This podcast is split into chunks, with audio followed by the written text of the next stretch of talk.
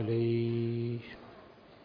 ونعوذ بالله من شرور أنفسنا ومن سيئات أعمالنا. من يهده الله فلا مضل له ومن يغلله فلا هادي له. وأشهد أن لا إله إلا الله وحده لا شريك له. وأشهد أن سيدنا ونبينا ومولانا محمدا عبده ورسوله.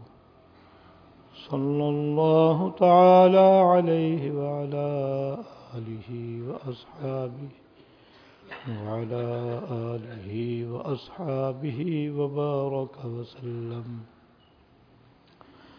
وبارك وسلم تسليما. كثيرا كثيرا. أما بعد فأعوذ بالله من الشيطان الرجيم. بسم الله الرحمن الرحيم. ما آتاكم الرسول فخذوه وما نهاكم عنه فانتهوا. وقال تعالى يا أيها الذين آمنوا أتيعوا الله وأتيعوا الرسول وأولي الأمر منكم. صدق اللہ العظیم میرے میرے قابل احترام بزرگوں اللہ جل شاہ نے قرآن کریم میں جگہ جگہ سرکار دو عالم، جناب رسول اللہ صلی اللہ علیہ وسلم کی تابے داری کرنے کی اور آپ کا حکم ماننے کی اور آپ کی اطاعت اور فرما برداری کی تاکید فرمائی ہے اور حکم دیا ہے اور احادیث طیبہ میں بھی سرکار دو عالم جناب رسول اللہ صلی اللہ علیہ وسلم نے اپنا طریقہ اور اپنی سنت، بلکہ اپنے خلفائے راشدین کی سنت بھی اختیار کرنے کی اور اس پر عمل کرنے کی بڑی تاکید اور ترغیب فرمائی ہے۔ اور آپ کی اطاعت اللہ تعالیٰ کی اطاعت ہے۔ آپ کا حکم اللہ تعالیٰ کا حکم ہے۔ آپ کی فرما برداری اللہ تعالیٰ کی فرما برداری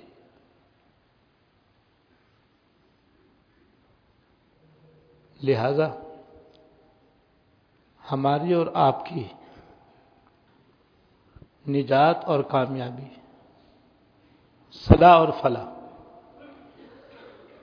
صرف اور صرف اس میں ہے کہ ہم اللہ تعالی شاہ کی اطاعت کریں، اس کی فرما برداری کریں اور سرکار دو عالم جناب رسول اللہ صلی اللہ علیہ وسلم کے نقش قدم پر چلیں جس کو سنت کہتے ہیں، جس کو حدیث کہتے ہیں۔ سرکار دو عالم جناب رسول اللہ صلی اللہ علیہ وسلم کے ارشادات، آپ کے اعمال آپ کی سیرت، آپ کے احوال سب قابل عمل ہیں۔ سبھی کو حسب موقع ہر مسلمان مرد عورت کو اختیار کرنا چاہیے۔ اور اس کے مقابلے میں، سنت کے مقابلے میں بدعت آتی بدعت۔ اس سے بچنا چاہیے۔ کیونکہ بدت کی احادیث طیبہ کے اندر بڑی مذمت اور برائی آئی ہے۔ بدت اسے کہتے ہیں بدت کے لفظی معنی آتے ہیں ہر نئی چیز۔ ہر نئی چیز کو لغت میں بدت کہتے ہیں۔ اور شریعت کی اصطلاح میں اور دین کی زبان میں بدت ہر ایسے کام کو کہتے ہیں کہ جس کی اصل اور بنیاد نہ قرآن کریم میں ہو، نہ حدیث شریف میں ہو، اور نہ صحابہ اور تعبین کے زمانے میں اس کا کوئی وجود ہو۔ بعد میں لوگوں نے اپنی طرف سے اس کو دین بنا کر اختیار کر لیا۔ ہو بعد میں لوگوں نے اس کو ثواب سمجھ کر، باعث اجر و ثواب سمجھ کر اختیار کر لیا ہو، اسے بدت کہتے ہیں۔ پھر بدت کی دو قسمیں ہیں۔ پھر بدت کی دو قسمیں ہیں۔ ایک بدت وہ ہوتی ہے کہ اس کی کوئی اصل بالکل بھی قرآن و حدیث میں نہیں ہے۔ صحابہ و تعبیر کے زمانے میں بالکل اس کی کوئی بنیاد نہیں ہے۔ جیسے رہبانیت جو عیسائیوں کی یہاں ہے۔ رہبانیت کہتے ہیں کہ دنیا کو چھوڑ کر جنگل میں چلے جانا اور دن رات عبادت میں لگ جانا۔ نہ ماں باپ کا حق ادا کرنا، نہ بیوی بچوں کا حق ادا کرنا، نہ حلال کمانا، بس دنیا کو لات مار کے، بس جنگل میں جا کر کے عبادت میں لگ جانا۔ جسے کہتے ترک دنیا۔ دنیا کو ترک کر دو اور بس آخرت کے کام میں لگے، لگ جاؤ۔ اسے کہتے ہیں رہبانیت۔ سرکار دو عالم جناب رسول اللہ صلی اللہ علیہ وسلم اللہ رحبانیت فی الاسلام۔ اسلام میں کوئی رہبانیت نہیں ہے۔ ہمارے دین میں یہ کہ دنیا کو دل سے چھوڑ دو۔ حلال کماؤ، حلال جگہ خرچ کرو۔ رہو اپنے گھر میں، بیوی بچوں میں، ماں باپ کے ساتھ رشتے داروں کے ساتھ۔ ان کے حقوق ہیں، وہ ادا کرو۔ ان کی حق تلفی مت کرو۔ دل سے دنیا کی محبت کو اتنا نکال دو کہ دنیا کی محبت مغلوب ہو، اللہ اس کے سور کی محبت غالب ہو، بس اتنا کافی۔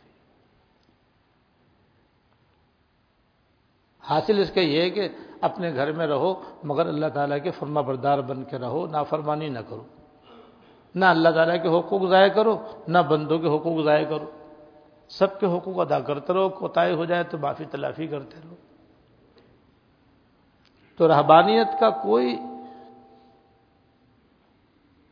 کوئی جڑ اور اسی کوئی بنیاد اسلام میں نہیں ہے۔ یہ جیسے عرس اور برسی، آج کل عرس منانے کا کتنا رواج ہے۔ شاید ہی کوئی شہر ایسا ہو جہاں کسی مزار پر عرس نہ ہوتا ہو۔ ہر شہر میں کوئی نہ کوئی مزار ہوتا ہے اور وہاں پر آپ دیکھتے ہیں کہ ہر سال بڑے دھوم دھام کے ساتھ عرس منایا جاتا ہے۔ لیکن اس کی کوئی اصل نہ قرآن کریم میں ہے، نہ حدیث میں ہے، نہ صحابہ و تعبیر نے کسی کا عرس منایا۔ اگر عرس ہوتا تو سب سے پہلے حضور کے روزے پہ ہوتا۔ اگر عرس کا وجود ہوتا تو شہدائے بدر کے مزارات پر ہوتا۔ اگر عرس ہوتا تو شہدائے عہد کے مزار پر ہوتا۔ اگر عرس ہوتا تو شہدائے خندق کے اس مزارات پر ہوتا۔ اگر عرس ہوتا تو جنت البقی کے دس ہزار صحابہ کرام کے مزارات پر ہوتا۔ اگر عرس ہوتا تو جنت المالا کے اندر حضرت خجرت القبرا رضی اللہ تعالی عنہا کے مزار پر ہوتا۔ اور جنت المعلہ کے اندر جو ہزاروں صحابہ تعبین طب تعبین ایم مشتحدین صلف سالین اولیاء امت مدفون ہیں، جو دنیا کے اندر ایسے ہیں جیسے چودہویں رات کا چاند۔ لیکن وہاں کسی عرس کا کوئی نام و نشان نہیں۔ اور حضور کے زمانے سے لے کر آج تک چودہ سال گزر گئے، نہ جنت البقی میں عرس ہوتا ہے، نہ جنت المالا میں عرس ہوتا ہے۔ یہ بعد میں لوگوں نے اپنی طرف سے بنا کر اختیار کیا ہے، اس کو بڑا نیکی سمجھا جاتا ہے، بڑا ثواب سمجھا جاتا ہے، اور نہ جانے کیا کیا سمجھا جاتا ہے۔ اس کی کوئی اصل قرآن و حدیث میں نہیں ہے۔ یہ خالص بدت ہے۔ اور سراسر ناجائز ہے۔ ایسی برسی برسی منانے کا رواج بھی اسلام میں نہیں ہے۔ نہ اس کا قرآن شریف سے کوئی ثبوت ہے، نہ حدیث شریف سے کوئی ثبوت ہے، نہ صحابہ و تعبین کے زمانے سے کوئی ثبوت ہے۔ کسی نے برسی نہیں منائی یہ بات کے زمانے کی ایجاد ہے۔ اور اب بڑے اہتمام کے ساتھ اور بڑی شان و شوکت کے ساتھ مشہور مشہور لوگوں کی برسی منائی جاتی ہے۔ تو یہ بدت ایسی ہے، یہ نیا طریقہ ایسا ہے کہ جس کی بالکل ہی کوئی اصل اور جڑ نہیں ہے اور کوئی بنیادی نہیں ہے سرے سے اور بدت کی دوسری قسم وہ ہے کہ اس کی کچھ نہ کچھ اصل تو قرآن و حدیث میں موجود ہے۔ لیکن شریعت نے اس کے ساتھ کوئی قید اور پابندی نہیں لگائی۔ نہ دن کی پابندی ہے، نہ بت کی پابندی ہے،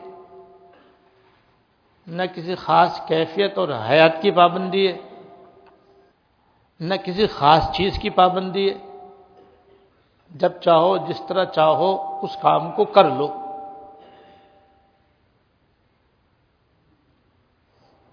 اب بعد میں لوگوں نے اپنی طرف سے اس کے اندر دن مقرر کر لیا، وقت مقرر کر لیا، مہینہ مقرر کر لیا۔ خاص اجتماعی شکل اس کے اندر لازم قرار دے لی۔ اور جو اس سے ہٹ کر کرے اس کے اوپر لان تان ہو اور اس کو برا سمجھا جائے اور جو اس چیز کی پابندی کرے تو سمجھا اس نے صحیح کیا، جو اس سے ہٹ کر کرے تو کہ اس نے کچھ نہیں کیا۔ یہ بھی بدت ہے۔ کیونکہ یہ پابندی اپنی طرف سے بنائی گئی ہے۔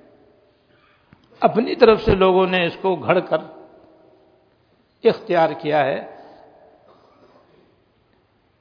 یہ دن تاریخ اور وقت کی اور حیات کی پابندی اور چیز کی پابندی ثابت نہیں۔ مثلا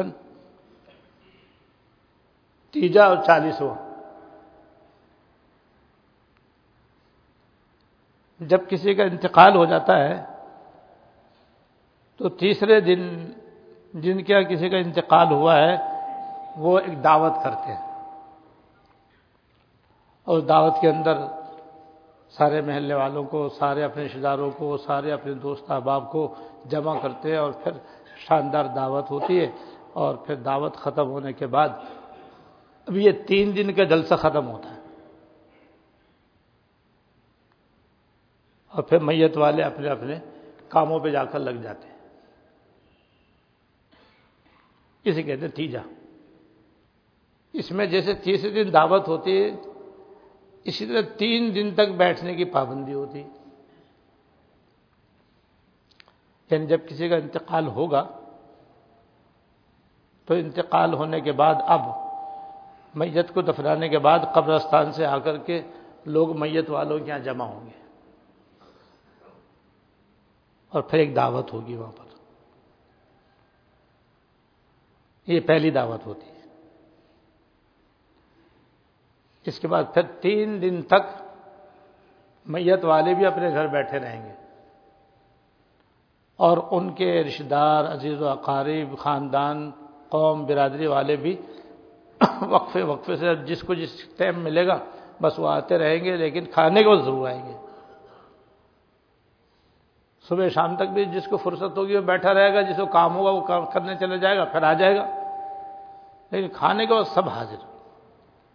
باقی اس میں کوئی حاضر ہو یا نہ ہو، لیکن کھانے کے وقت ضرور آئے گا اب ناشتہ بھی وہیں ہوگا، دوپہر کو کھانا بھی وہیں ہوگا، رات کا کھانا بھی وہیں ہوگا۔ اب پہلے دن بھی ہوگا، پھر دوسرے دن بھی ہوگا، پھر تیسرے دن بھی ہوگا، تین دن تک یہ جلسہ ہوتا ہے، ان کے یہاں بیٹھک ہوتی ہے۔ اور اس کا نام ہے سوگ، اور اس کا نام ہے تعزیت۔ پھر تیسرے دن وہ آخری دعوت ہوتی۔ وہ سب سے زیادہ زوردار ہوتی۔ اس کے بعد پھر یہ تین دن کی بیٹھک ختم ہو جاتی ہے، پھر سب اپنے اپنے کاموں میں لگ جاتے ہیں۔ میت والے اپنے کام میں لگ جاتے ہیں۔ پھر اسی طرح کی ایک دعوت چالیسویں دن ہوتی ہے۔ جس دن کسی کا انتقال ہوا ہے، اس کے چالیس دن کے بعد۔ پھر اسی طریقے سے میت والے پوری برادری کی، پورے خاندان کی زبردست دعوت کرتے ہیں۔ اور اس کے اندر بھی سب کا آنا ضروری ہے، سب کا شامل ہونا ضروری ہے، اور اس لیے بھی لوگ شامل ہوتے ہیں تیجے میں، چالیسویں میں، کہ بھائی اگر ہم شریک نہیں ہوئے تو ہمارے یہاں کون آئے گا؟ اور دیکھا جاتا کون آیا، کون نہیں آیا؟ جو نہیں آیا تو اس پہ اعتراض ہوتا ہے کہ بھائی تم کیوں نہیں آئے؟ ہم بھی تمہارے یہاں نہیں آئیں گے۔ ہم تو تمہارے یہاں آئے تم ہمارے یہاں کیوں نہیں آئے؟ اور مقصد اس کا ہوتا ہے، اس سال ثواب۔ تیجے کا مقصد بھی یہ بتایا جاتا ہے کہ بھئی یہ سال ثواب کے لیے ہوتی ہے دعوت۔ چالیسویں کا بھی یہ مقصد بتایا جاتا ہے کہ بھئی یہ سال ثواب مقصود ہے۔ تو یہ سال ثواب کی اصل تو موجود ہے۔ لیکن اس کے لیے نہ تیجا ثابت ہے، نہ چالیسواں ثابت ہے۔ بلکہ ہر مسلمان، مرد، عورت تو اختیار ہے، جب چاہے چاہے تو قرآن شریف پڑھ کے ثواب پہنچا دے، چاہے یاسین شریف پڑھ کے ثواب پہنچا دے، چاہے سورہ ملک پڑھ کے ثواب پہنچا دے، چاہے بارہ مرتبہ کلو اللہ پڑھ کے ثواب پہنچا دے، اور چاہے تین دفعہ کلو اللہ پڑھ کے ثواب پہنچا دے، چاہے دو رکعت نفل پڑھ کے ثواب پہنچا دے، چاہے سو رکعت نفل پڑھ کے ثواب پہنچا دے، چاہے عمرہ کر کے ثواب پہنچا دے۔ چاہے حج کر کے ثواب پہنچا دے، چاہے قربانی کر کے ثواب پہنچا دے۔ اور چاہے کسی غریب کو کپڑے پہنا کر ثواب پہنچا دے، یا کسی گھر کھانا پہنچا کر اس کا ثواب پہنچا دے۔ اور کچھ نہیں، اور کچھ نہیں، تو بس ہاتھ اٹھا کر کے یہ دعا کر دے کہ اللہ میرے والدین کی مغفرت فرما اور ان پر رحم فرما۔ حدیث میں آتا ہے کہ جب کوئی کسی مرنے والے کے لیے یہ دعا کرتا ہے کہ اللہ فلاں مرحوم کی مغفرت فرما اور اس پر رحم فرما، تو اللہ تعالیٰ پہاڑوں کے برابر ثواب اسے قبر میں داخل کر دیتے۔ اس کے لیے نہ دن کی پابندی ہے، نہ مہینے کی پابندی، نہ وقت کی پابندی، نہ اکٹھے ہونے کی کوئی پابندی ہے۔ شریعت نے ایسی کوئی پابندی اس کے اندر نہیں لگائی۔ جب چاہے جو چاہے، جہاں سے چاہے، یہ سارے ثواب کر سکتا ہے۔ اس کے لیے دعوت کوئی شرط نہیں ہے۔ نہ تیسرے دن، نہ دسویں دن، نہ چالیسویں دن۔ تو یہ سارے ثواب تو ثابت ہے، لیکن یہ پابندی ثابت نہیں یہ لوگوں نے اپنی طرف سے بنائی ہے۔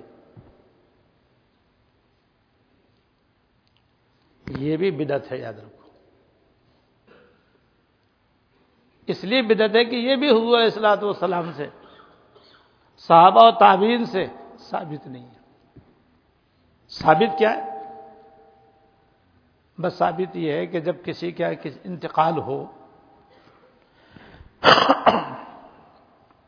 تو ان کے پڑوسیوں کو چاہیے کہ پہلے دن بس میت والوں کے یہاں کھانا بھیج دیں۔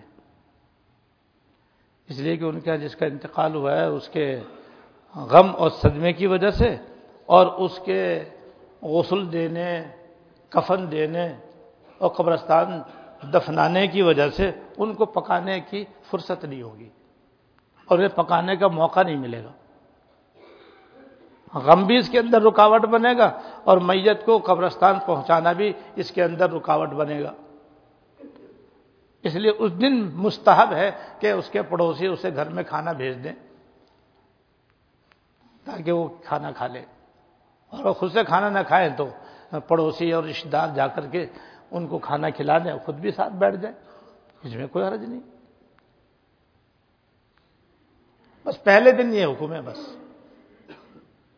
نہ دوسرے دن نہ تیسرے دن کوئی حکم نہیں ہے بس یہ تو ہو گیا کھانا بھیجنے کا، بس پہلے دن ثابت ہے، دوسرے، تیسرے دن، چوتھے دن، چالیسویں دن کوئی ثابت نہیں ہے۔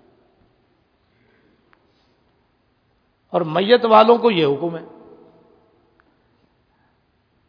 اور جو ان کے یہاں شریک ہوئے، تجہیز و تکفین میں، ان کے لیے حکم یہ ہے کہ جب میت کو دفنا دیں، دفنانے کے بعد سب اپنے اپنے کاموں پہ جا کے لگ جائے۔ دکاندار اپنی دکان پہ چلا جائے۔ ملازمت کرنے والا اپنی ملازمت پہ چلا جائے۔ کھیتی باڑی کرنے والا اپنے کھیتی باڑی کے کام میں لگ جائے۔ میت والی بھی جا کر اپنے اپنے کام میں لگ جائیں اگر وہ دکان پہ کام کرتے تو اپنی دکان پہ چلے جائیں۔ اگر وہ کوئی اور کام کرتے تو اس میں لگ جائیں۔ ان کو یہ حکم نہیں ہے کہ تین دن تک لازمن اپنے گھر میں بیٹھیں۔ یہ حکم نہیں ہے ان کو۔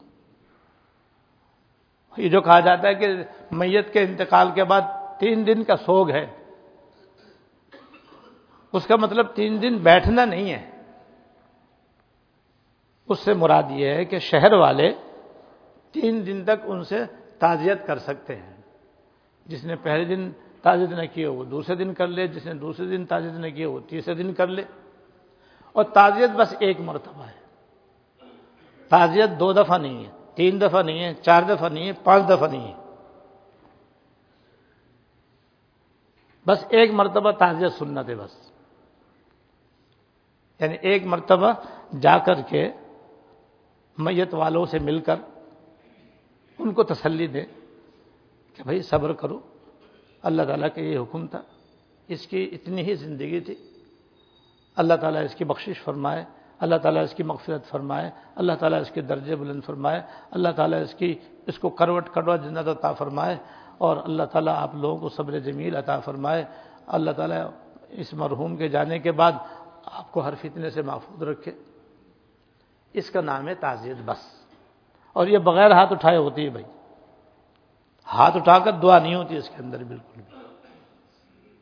جیسے کہ بعض جگہ رواج ہے کہ تسلی کا تو کوئی کلمہ نہیں۔ بس جو آئے گا تعزیت کرنے کے لیے، فاتحہ۔ اور پھر یوں کر کے، خلاص۔ پھر دوسرا آئے گا، پھر فاتحہ۔ پھر تیسرا آئے گا۔ اس طرح صبح صبح سے لے کر شام تک سو سو مرتبہ اجتماعی دعا ہوتی ہے۔ اور یہ فاتحہ آنے پر بھی ہوتی ہے اور جانے پر بھی ہوتی ہے۔ یعنی جو آیا، پہلے آتی، سب سے پہلے وہ فاتحہ کہے گا۔ اور جتنے بیٹھے ہوں گے سارے سارے ہاتھ اٹھائیں گے، پھر جلدی جلدی جلدی جلدی کچھ پڑھیں گے، کچھ نہیں پڑھیں گے، بس ایسا بس ہاتھ چہرے پہ مارا، بس یہ تعزیت ہو گئی۔ پھر وہ بیٹھے رہیں گے، چائے پیتے رہیں گے، تھوڑی دیر تک، پھر آپ جانے لگیں گے، فاتحہ۔ پھر جناب سارے تو اس میت والوں کی تو اچھی خاصی صبح شام تک ورزش ہو جاتی۔ اور ان بیچاروں کے تو ہاتھ اٹھا اٹھا کے تھک جاتے۔ مرنے والا کیا مر گیا؟ آفت ناگہانی اور آ گئی گھر کے اندر۔ کہ اب صبح شام تک ایک دن، دو دن، تین دن تک بس یہی کھیل کھیلا جائے گا۔ اور جو آئے گا بس وہ ہاتھ اٹھا کر دعا کرے گا، پڑھنا، پڑھانا کچھ نہیں، بس ہاتھ رسمی طور پہ اٹھائے اور کچھ طوطے کی طرف پڑھا اور جناب ہاتھ مارے اور چل دیے۔ یہ بھی خالص بدت ہے، یاد رکھو یہ۔ خالص بدت ہے جو کہ بالکل حرام اور بالکل ناجائز ہے، اس کا کوئی ثبوت نہیں ہے۔ یعنی اس پابندی کا اور ہاتھ اٹھا کر اجتباعی دعا کوئی ثبوت نہیں ہے۔ فی نفسی دعا صحیح ہے، وہ ثابت ہے۔ تو میت والوں کو بس یہ حکم، تعزیت کے بعد بس میت والوں کو یہ حکم ہے کہ وہ کہیں بھی ہوں، اپنے کام میں لگ جائیں بس۔ اب شہر والوں کو اگر پہلے دن موقع مل گیا تو پہلے دن بس ایک مرتبہ تعزیت کر لیں، اب دوبارہ ان کو تعزیت کرنا منع ہے۔ مکرو ہے بالکل۔ اب جس نے پہلے دن تعزیت نہ کی وہ دوسرے دن آگے کر لے، پھر جس نے پہلے دوسرے دن نہ کیا وہ تیسرے دن، تین دن کے بعد اب شہر والوں کو تعزیت کرنا منع ہے۔ کیونکہ اب تعزیت کا وقت تین دن تھا، جس کو سوک کہتے ہیں وہ ختم ہو گیا۔ ہاں کوئی سفر میں گیا ہوا ہو اور وہ تین دن کے بعد آئے، چھ دن کے بعد آئے، پانچ دن کے بعد آئے، تو اس کو اختیار ہے کہ وہ آئے اور آ کر کے اہل میت کو آ کر ان کو تسلی دے دے، ان کی تعزیت کر لے۔ میت والوں کو بھی یہ حکم نہیں ہے کہ وہ تین دن تک ضرور اپنے گھر کے اندر جم کے بیٹھیں۔ تو بھئی یہ جو تعزیت کا طریقہ ہے، تین دن تک گھر میں بیٹھنے کا طریقہ ہے جس کو لازم اور ضروری بنا لیا گیا ہے، یہ بھی بھائی بدت ہے۔ یہ بھی بدت ہے اور یہ ثابت نہیں ہے۔ یعنی اس سے ہی پرہیز کرنا چاہیے۔ یہ جیسے درود و سلام قرآن حدیث سے ثابت ہے۔ اور اس کی بڑی فضیلت ہے، بڑا ثواب ہے اس کا۔ لیکن اذان سے پہلے درود و سلام کی پابندی ثابت نہیں ہے اور اہل بدت کے آپ دیکھتے ہیں کہ ان کے یہاں تو ہر اذان سے پہلے سلاۃ و سلام ہوگا۔ پہلے موزن درود و سلام پڑھے گا، اس کے بعد اذان دے گا۔ تو جو اذان کے ساتھ انہوں نے درود و سلام کو چپکایا ہے اور اتنا اس کو لازم کر دیا ہے کہ اس کے بغیر ان کے اذان نہیں ہو سکتے۔ کوئی اس کو ایسی اذان دے گا تو اسے دیوبندی کہہ کر کے اور وہاں بھی کہہ کر کے اس کو تھانہ دیا جائے گا۔ تو درود و سلام کی اصل تو ہے، لیکن اذان کے ساتھ اس طرح اس کو لازم کرنے کا کوئی ثبوت نہیں۔ جیسے یہ بھی بدت ہے۔ ایسے ان کے جمعے کے دن آپ دیکھتے ہیں کہ جمعے کے بعد سب کھڑے ہو کر کے اجتماعی طور پر درود سلام پڑھتے ہیں۔ تو درود سلام کی اصل تو موجود ہے، لیکن نماز جمعہ کے بعد اس طرح کھڑے ہو کر پھر اس کے اندر بھی یہ تصور ہوتا ہے کہ حضور حاضر ہوتے ہیں۔ ارے امتی حاضر ہوتا ہے یا حضور حاضر ہوتے؟ اور وہ کھڑے ہونے کی حکمت یہ بتلاتے ہیں کہ جو حضور اس مجلس میں آتے ہیں تو ہم حضور کے لیے کھڑے ہوتے اس لیے ہم کھڑے ہو کر دو دو سلام پڑھتے تو یہ اجتماعی شکل میں جمعے کی نماز کے بعد پابندی سے اور اس خیال سے کہ حضور یہاں تشریف لاتے ہیں، یہ سب ایسی باتیں ہیں کہ کوئی ثابت نہیں ہے۔ یہ جیسے ایک بہت ہی عام طریقہ ہے سارے ثواب کا اجتماعی قرآن خانی جب کسی کا انتقال ہو جاتا ہے تو بعض لوگوں کے اندر یہ رواج ہے کہ وہ اس کے انتقال پر فوراً اعلان کر دیتے ہیں، بھائی، فلاں دن، فلاں تاریخ کو، فلاں مسجد میں قرآن خانی ہوگی۔ اور پھر ان کے خاندان اور قوم برادری کے لوگ وہاں پہ جمع ہوتے ہیں اور جمع ہو کر کے پھر سب قرآن شریف پڑھتے اور ختم کر کے پھر اس کا اشارے ثواب کرتے اور اس کو فرض و واجب کی طرح ضروری سمجھتے ہیں۔ جو کوئی اس میں شریک نہ ہو، اس کو لان تان کرتے ہیں کہتے ہیں کہ بھائی، فن تم کیوں نہیں آئے بھائی؟ بھائی آ جانا، تھوڑا سا ہی پڑھ کے چلے جانا، مگر آنا ضرور، چاہے کسی کو کتنے ضروری کام ہو، لیکن آنا ضروری ہے۔ جو آئے نہ پڑھے، وہ تو کچھ میں تو کچھ حرج نہیں۔ اور جو اپنے گھر سے پڑھ دے اور آئے نہیں، تو اس پر اعتراض کرتے حالانکہ یہ سارے ثواب کے لیے میں نے ابھی عرض کیا، کوئی پابندی نہیں ہے شریعت کی طرف سے۔ ہر آدمی جب چاہے، جہاں سے چاہے، جس وقت چاہے، جتنا چاہے، پڑھ کر ثواب پہنچا سکتا ہے۔ اکٹھا ہونا کوئی ضروری نہیں ہے۔ تو اس میں جو جمع ہونے کو ضروری سمجھ لیا گیا ہے اور جمع نہ ہونے پر اور شریک نہ ہونے پر اعتراض کیا جاتا ہے، یہ بھی ثابت نہیں ہے۔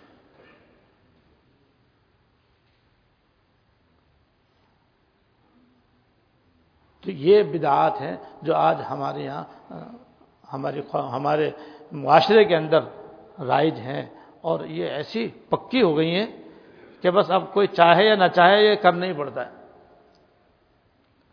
لیکن بھائی اللہ تعالیٰ کے ارشادات سے۔ سرکار دو عالم جناب رسول اللہ صلی اللہ علیہ وسلم کے ارشادات سے معلوم ہوتا ہے کہ یہ حضور کے طریقے سے بالکل ہٹ کر باتیں ہیں اور یہ سراسر گمراہی کی باتیں ہیں، ان سے بچنا واجب ہے۔ چنانچہ ایک حدیث میں سرکار دو عالم جناب رسول اللہ صلی اللہ علیہ وسلم کا ارشاد ہے۔ من احدث فی امرنا حاضہ مال سمن فہو رد او کما قال۔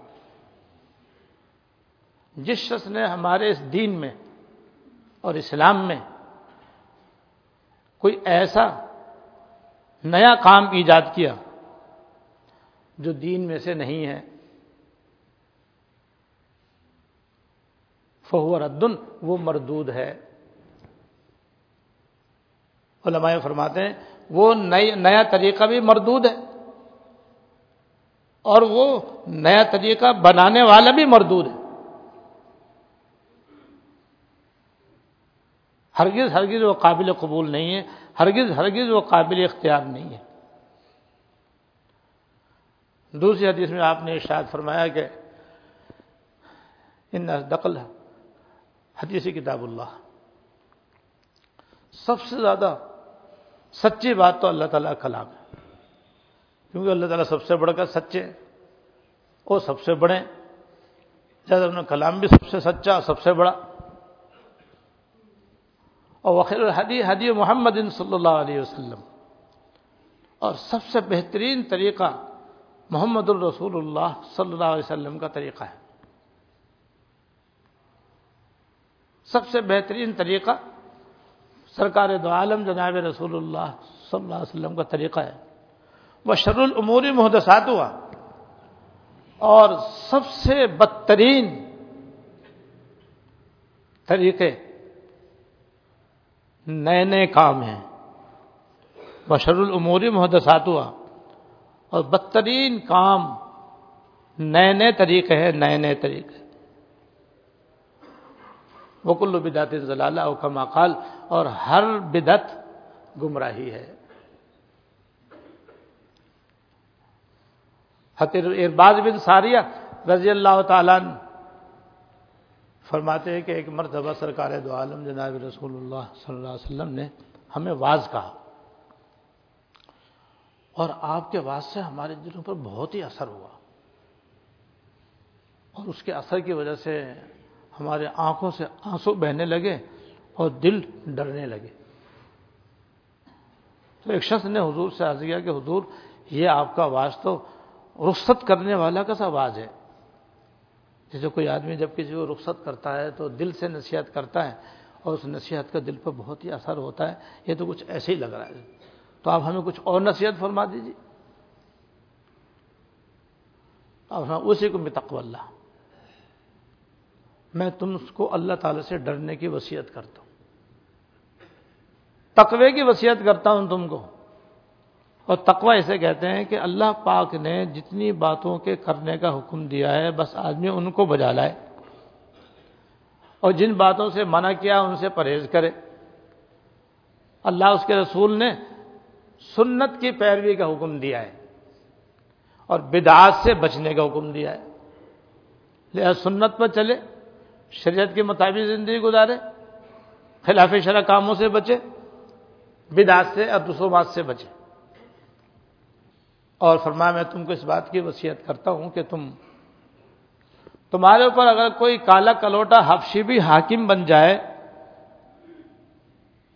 اور وہ تم کو قرآن و حدیث کے مطابق چلنے کی تلقین کرے تو تم اس کی اطاعت کرو، اس کی بات سنو، اس کی بات سنو، اس کا حکم مانو۔ ہاں اگر وہ خلاف شرح باتوں کا حکم دے تو پھر چاہے وہ کالا کلوٹا حفشی نہ ہو، کوئی اور ہی کیوں نہ ہو؟ اللہ تعالیٰ مخلوق فی ماسد الخالق۔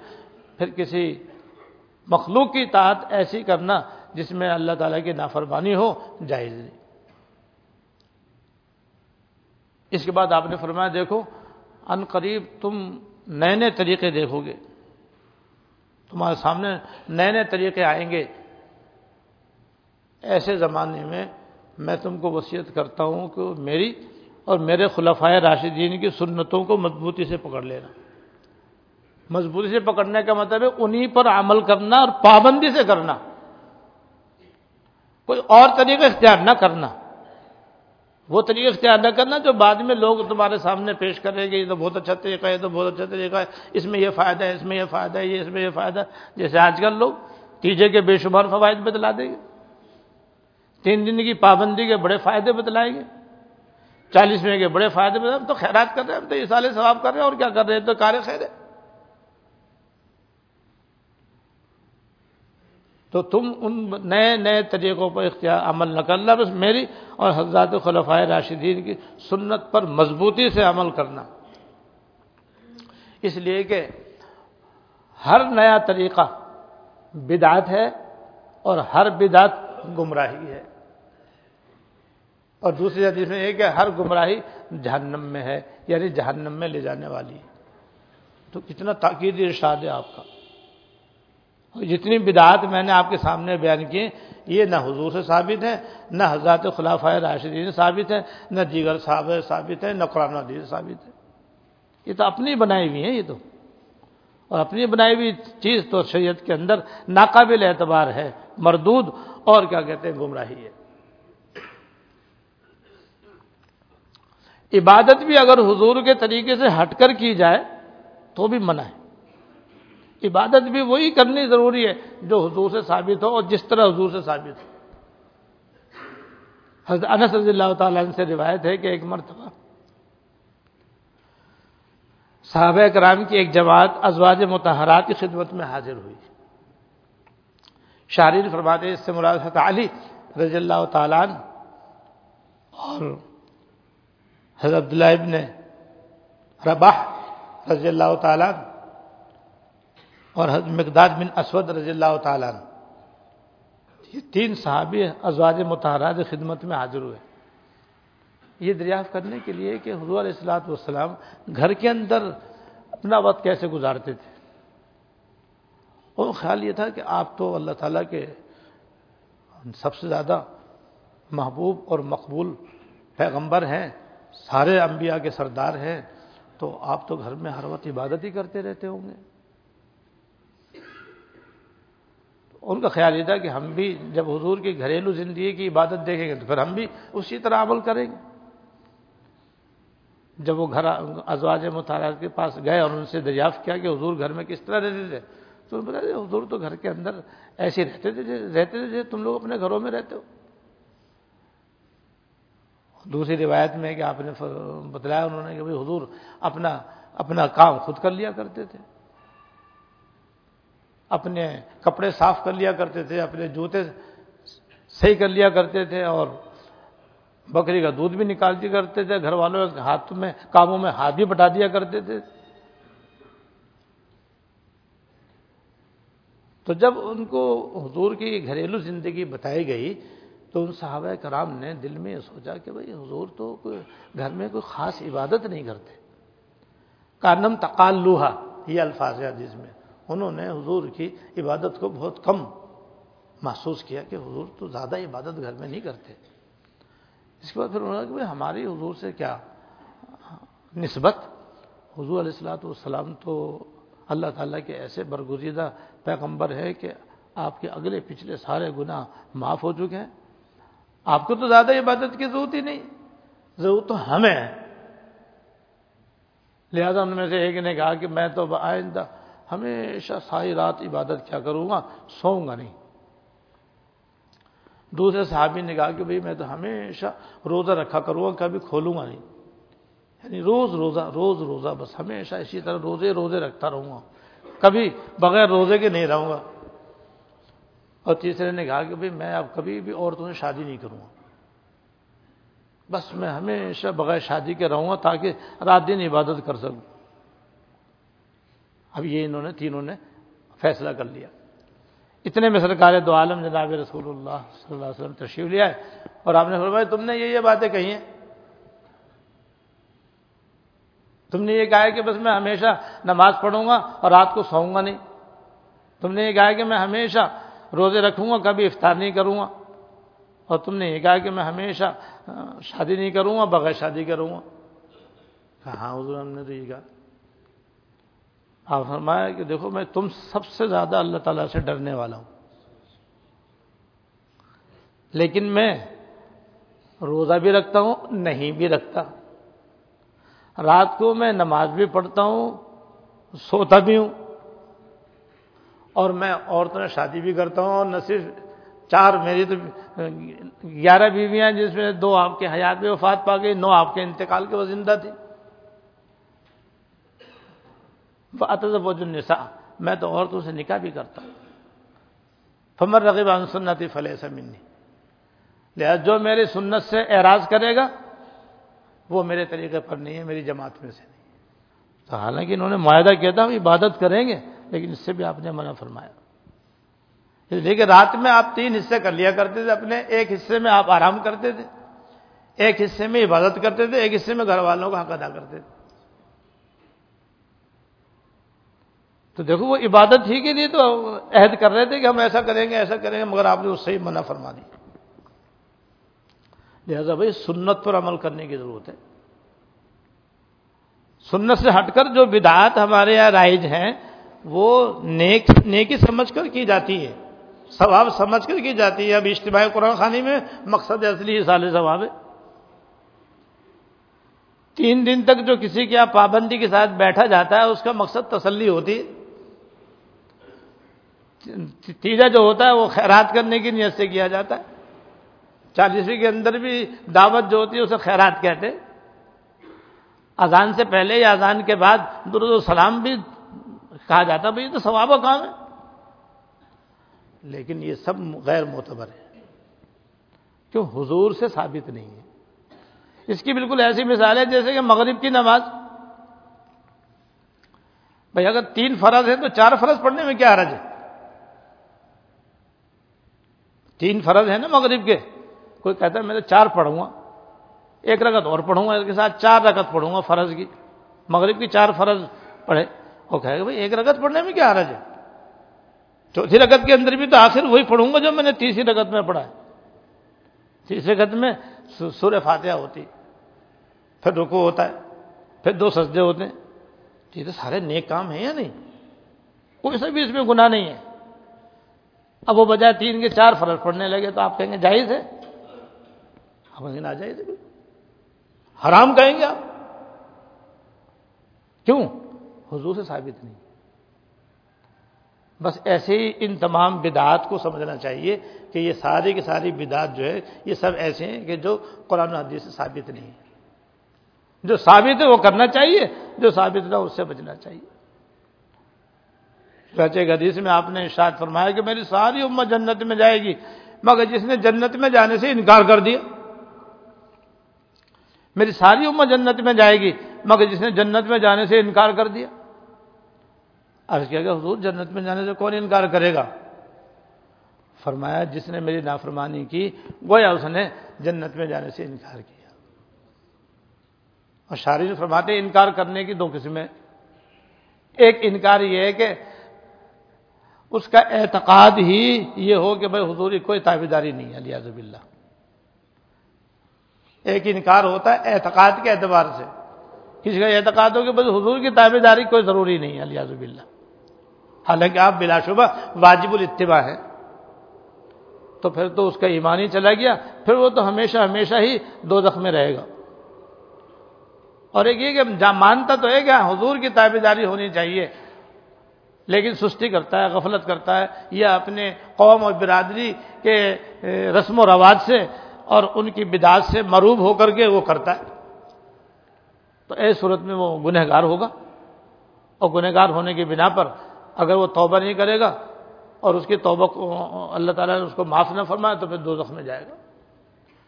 لیکن ایمان کی بدولت آخر کار جہنم میں اپنی سزا بھگت کر کے پھر نکلے گا اور جنت میں چلا جائے گا۔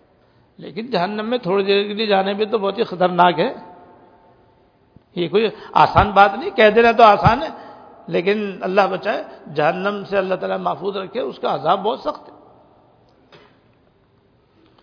تو بھئی یہ ساری احادیث طیبہ اور قرآن کریم کی آیات یہ کہہ رہی ہے کہ بس ہمارے لیے تو سرکار اللہ جل اللہ جل شاہ اور سرکار دو عالم جناب رسول اللہ صلی اللہ علیہ وسلم کی پیروی ضروری ہے۔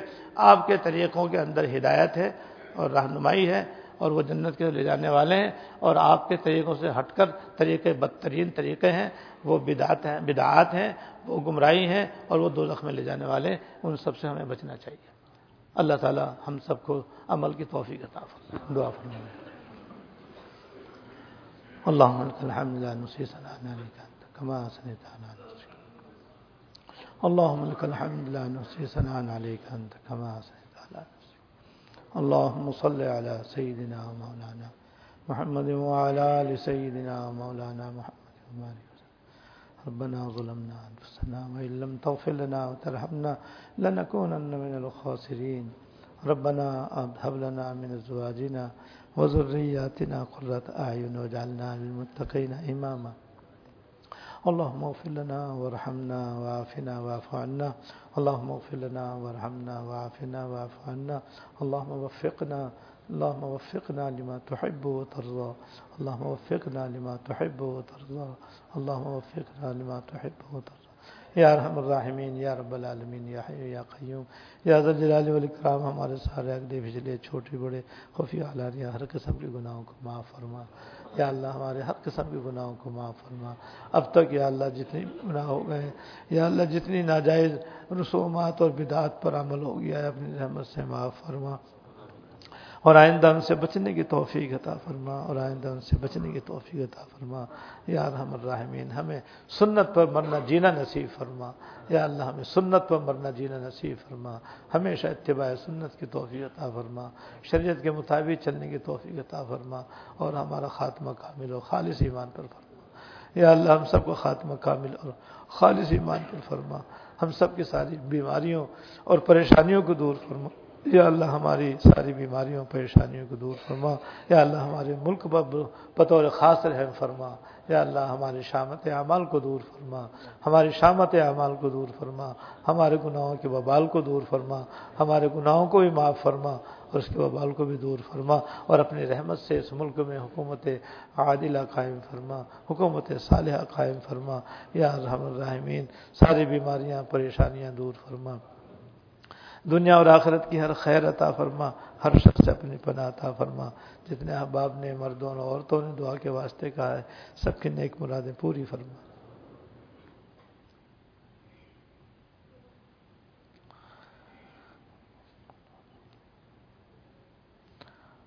صلی اللہ تعالی علی خیر خلق سیدنا مولانا محمد والی وصحبہ اجمعین۔